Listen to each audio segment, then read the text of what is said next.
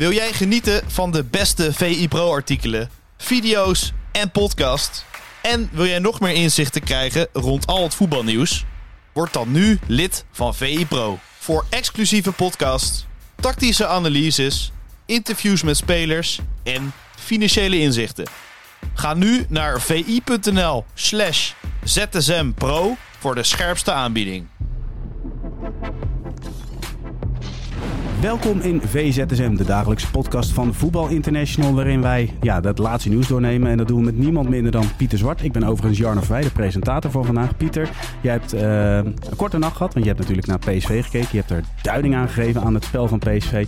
Ik wil beginnen dat ik vooral uh, genoten heb van het uh, frivole spel. En ik was wel echt aangenaam verrast door Schouten. Ik vind dat toch wel een mooie zet van Peter Bos. Hoe kijk jij daarnaar? Ja, dat is leuk.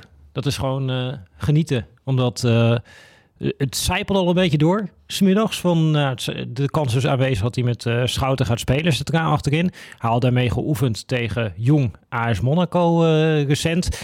Dus ja, het idee speelde al in het hoofd. Hij had natuurlijk ook al in de tweede helft tegen Vitesse gedaan. Maar als je dan de cruciale wedstrijd in de Champions League uh, speelt en je doet dit. Ja, je weet ook als het fout gaat, want nu gaat het goed, dan krijg je alle complimenten. Maar als het fout gaat, ja, dan krijgt hij die hele strontkar weer over zich heen met alle verwijten die je kent. Kamikaze, naïef, uh, allemaal veel te aanvallend en hij denkt niet aan het verdedigen, dan krijg je al die verwijten die Peter Bos uh, altijd krijgt. Ja, nu pakt het uh, goed uit en dan verdien je denk ik ook uh, alle credits. Ja, het mooie was dan ook de aanloop naar die wedstrijd. Theo Jans was een van de analisten voorafgaand aan de wedstrijd. En die heeft natuurlijk onder hem gewerkt bij, bij PSV of bij Vitesse. Bij Vitesse, ja. Um, wat daar mooi aan was, is dat hij ook aangaf: ja, Peter, luister, de verdedigers die door moeten dekken, dat vinden ze aan het begin vinden ze dat moeilijk. Dus je kreeg al die discussie van: oké, ze zijn in eerste instantie niet comfortabel in die situatie. Maar uiteindelijk legt Peter, eh, Peter Bos het wel heel mooi uit. Door gewoon te stellen van ja, maar als je dat heel goed uitvoert. Ja, dan kunnen ze nooit in de problemen achterin komen. Dus het gaat om echt in uitvoering en intentie. Ja, en dat vond ik wel grappig als je dan naar Schouten gaat kijken. Want je zag hem inderdaad ook af en toe inschuiven met de bal en uh, die inspeelpassen naar voren geven. Maar ook in het verdedigen. Je zag dat veel verdedigers die gaan proberen, Cyril Dessers in dit geval uh, de spits, om dan ja, daar een beetje achter of naast te dekken. En je zag dat Schouten, die ging iedere keer eigenlijk voorstaan om die paaslijn er al uit te halen. Dat ging één keer na een half uur of zo ging het één keer mis dat die bal er toch overheen viel en dat uh, die bal bij Dessers uh, kwam. Alleen, ja, waar dan minder de nadruk op komt te liggen, is de acht, negen keer dat het goed gaat en dat Schouten ja. op die manier of voorkomt dat die paas überhaupt gegeven wordt, of er eigenlijk gewoon tussen zit en die bal meteen uh, onderschept. En dan merk je dat op die manier door ja, anders te denken, vooruit te denken eigenlijk, dat je ja, al veel problemen kan oplossen voordat ze ontstaan. In plaats van, en dat wordt dan vaak gezien als uh, goede verdedigers, die dan eerst eigenlijk verkeerd staan en het dan met een spectaculaire sliding of een enorme sprint gaan corrigeren. Nou, Schouten die staat 9 van de 10 keer goed. Ja, en die andere keer, dan kan hij wel in de problemen komen. Want zeker door de lucht is hij niet, uh, niet top. Je zag nu ook weer die balletje dat hij achteruit kopte. Hij deed heel nonchalant alsof het ja. de bedoeling was uh, dat hij in de handen van uh, Walter Benitez kwam op die manier. Maar dat was ook tegen Vitesse een paar keer lange ballen. Dat je dan ziet, oeh, dat is zijn zwakke plek als uh, centrale verdediger. Maar ja, zeker als tegenstanders het nog niet verwachten, is dit een hele leuke truc speciaal om uit de kast te halen. Ja, en je zegt ook terecht, het levert uiteindelijk meer op dan dat het, dat het kost. En, en als je dan de vooruitblik pakt van Theo Jansen, die geeft ook aan van ja, de nummer 6 positie en, en centrale verdediger. In hoeverre verschilt het aan de bal? Aan de bal valt het wel mee. Het is alleen uh, in het verdedigen inderdaad dat je de laatste in lijn bent. Maar ook daarin, ik, ja, ik vond hem niet onwennig ogen. Nee, en nou wat ik ook leuk vond in deze variant is dat je Jordan These heel erg uh, in zijn uh, kracht benut. Want die trainer van Rangers, die had er dus heel erg iedere keer over van... Nou, waar ons voordeel ligt is dat wij bij balwinst... dat we twee snellere aanvallers hebben dan de centrale verdedigers voor PSV. En wat je nu vaak zag was dat op momenten dat Schouten inschuift naar het middenveld... dat dan Jordan These eigenlijk centraal naast Boskakli kwam te spelen. Waardoor je in... Ja, restverdediging is niet alleen aantallen, maar restverdediging is ook poppetjes. Ja. Uh, we zeiden het laatst in een uh, show van uh, tactiek is vaak ook een speler. En in dit geval ja, is het of jij Jordan These daar rechts centraal achterin hebt of Ramaljo en er komt de counter. Ja, dan heb je meer eigenlijk aan These. Dus in, op die manier maakte eigenlijk Schouten door in te schuiven de restverdediging beter. Ook al zou je denken dat als de centrale verdediging inschrijft dat je kwetsbaarder bent. Ja, was het nu omgekeerd. Dat je met These naast Boskakli veel meer snelheid hebt dan met Ramaljo naast uh, Boskakli. Dus ja, dat, dat pakte denk ik op heel veel fronten goed uit. Ook al was het uh, eerste kwartier voor PSV nog wel een beetje onwennig. Maar daarna zag je dat ze erin uh, kwamen. En dat ze ja, heel goed die ruimtes herkende die Rangers eigenlijk in die eerste wedstrijd ook al uh, weggaf. En dat nu gewoon veel beter uitspeelde. Ja, uh, ik moet wel gelijk mijn excuses maken. Want door het enthousiasme begin ik over Jerry Schouten. Maar in jouw analyse komt eigenlijk de teruggetrokken voorzet het meest prominent naar voren. Want dat maakte wel het verschil, hè?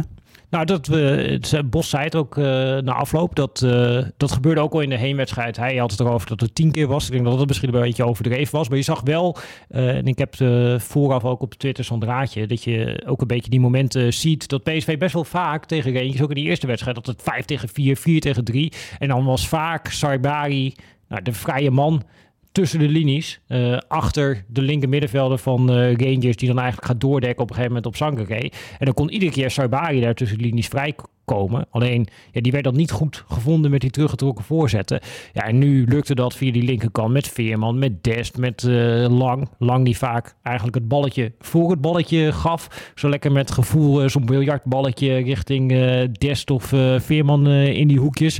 Ja, ook trouwens voor die, dat was de eerste goal denk ik, dat je dat hakballetje had van Dest in de richting van Lang. Ja, dat, dat zijn momenten. Het zijn wel echt drie gastvoetballers bij elkaar daar op die linkerflank uh, bij PSV. Ja, daar kwamen ze vaak erdoor. En dan zie je dat bij Rangers heel veel aandacht uitgaat naar Luc de Jong. Die moeten we verdedigen bij voorzetten, wat ook logisch is. Daardoor krijgt Sarbari heel veel uh, ruimte en vrijheid. En dat uh, ja, speelde PSV dit keer wel goed uit, waar dat vorige week eigenlijk niet het geval was.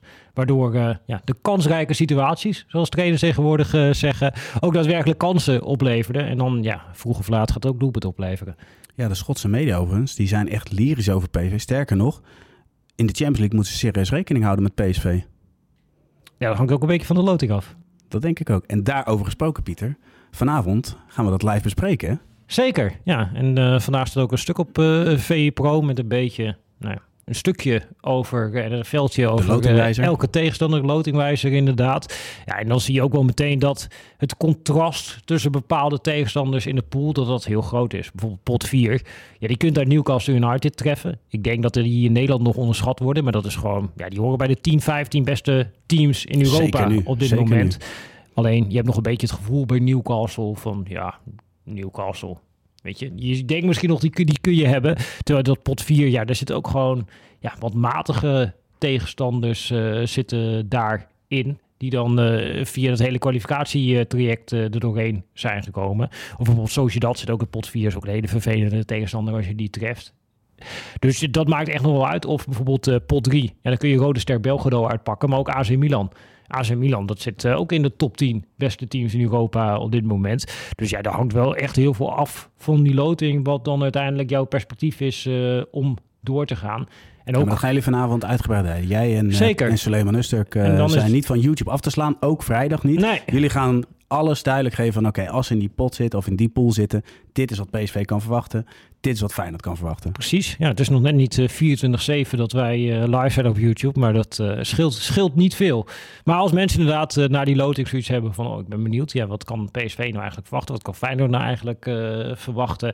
Nou, dan zitten in ieder geval twee mensen die daadwerkelijk die teams ook aan het werk gezien hebben. Dus uh, ja, ik zou zeggen, ga lekker kijken. Precies, en dan heb je vrijdag ook nog een keer een, een dienst op YouTube. En een lange dienst ook. Wat gaan we precies doen, Pieter? Ja, dan is de transfer deadline. Veel mensen, ik had toevallig hier net uit het koffiezetapparaat, kom je aan.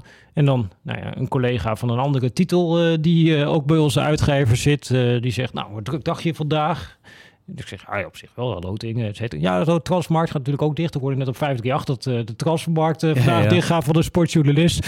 Dus ik moest hem toch vertellen dat het 1 september is dat de markt uh, in Nederland dicht gaat. ja, en dan gaan wij vrijdagavond live op YouTube... Sleeman en ik zitten aan tafel. Maar het gaat natuurlijk vooral om de watchers. Die we allemaal gaan inbellen, in Skype. En die ja, de laatste updates kunnen geven over ja, wat gaat er nog gebeuren. En daar hangt natuurlijk nog wel het een en ander uh, in de lucht bij de verschillende Nederlandse clubs. Bij uh, Feyenoord lijkt uh, nu de keeper van Sas binnen is, dat, dat daar het rond is. Maar ja, je weet nooit. Komt Bayern nog voor Gertruida? Nou, bij PSV is het natuurlijk best wel spannend. Sangare gaat hij wel of niet? Bakayoko gaat hij wel of niet? Lozano gaat dat nog uh, gebeuren? Komt er nog een centrale verdediger? Hangt best wel veel in de lucht. En we hebben bij Ajax natuurlijk nog uh, Sievert Mansverk, die soms in Noorwegen ook Hekheim genoemd wordt. Dus dat kan misschien een Forbes-gevalletje worden.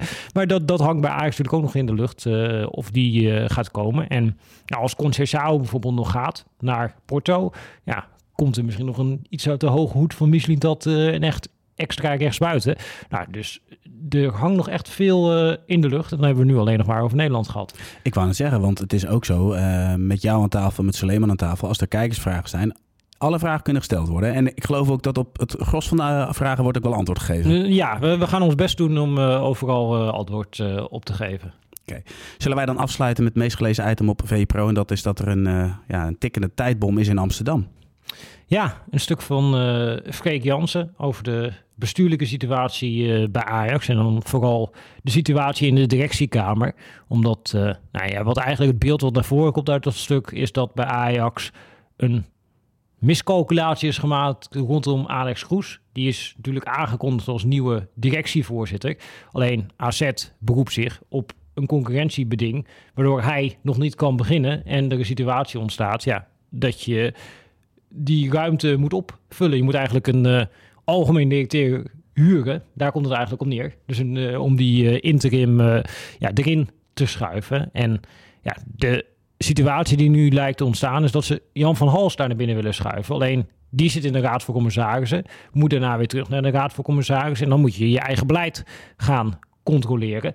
Dat is natuurlijk ook een beetje een situatie waarvan je kan afvragen: goh, is dat een uh, wenselijk beeld? Dus dat, dat veroorzaakt uh, op dit moment ja, nog wat extra onrust uh, in Amsterdam. En er wordt natuurlijk ook wel met ja, argusogen gekeken naar het transferbeleid van Sven Mislintat. Ja, heeft een heleboel spelers gehaald. Nou, we hebben al die spelers bekeken en geanalyseerd. Nou, er zit natuurlijk vaak ook wel echt een idee achter. Maar ja, het zijn natuurlijk spelers die ja, in Nederland en bij veel mensen ja, waarvoor het, ja, die de namen zien voorbij komen. Die denken er nooit van gehoord en dan betaalde Ajax dan uh, 16 miljoen voor. Ja, dan krijgen veel mensen toch wel een beetje koud watervrees. Dus ja, dat, dat is natuurlijk in media zo. Bij fans uh, is dat soms zo. Als vinden sommige fans hoe, hoeveel verder het komt, hoe leuker het uh, eigenlijk is. Want dan kun je je natuurlijk juist ook weer enorm verheugen op iets wat je nog uh, niet kent. Maar dat zorgt natuurlijk een beetje voor koud watervrees. En dan ook binnen die club ja, hebben sommige mensen ook al die koud watervrees. En dan krijg je bij Ajax natuurlijk ook altijd weer van...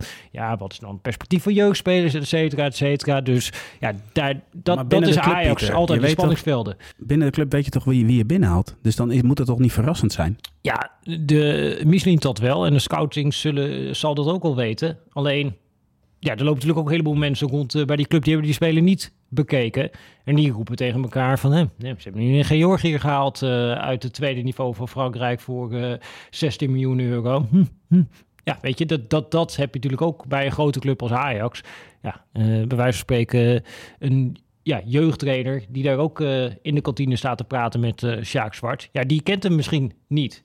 En ja, die mensen hebben bij Ajax natuurlijk ook altijd uh, invloed op uh, het beleid wat er uh, gevoerd wordt. Dus ja, dat, dat is een onrustige situatie. En ja, dat is uiteindelijk zo simpel als de waarheid ligt op het veld. Kijk naar, om het even rond te maken, Bos en PSV. Toen die daar binnen stapte, was ook een beetje koud watervrees bij mensen van, nou, Bos en PSV, is dat wel een logische match? Passen die wel bij elkaar? Ja, en dan zie je, ja, als het gaat lopen, je gaat wedstrijden winnen. Dat was natuurlijk al in de kruifschaal dat dat sentiment ontstond. En nu zijn ze succesvol die uh, Champions League voorronde doorgekomen.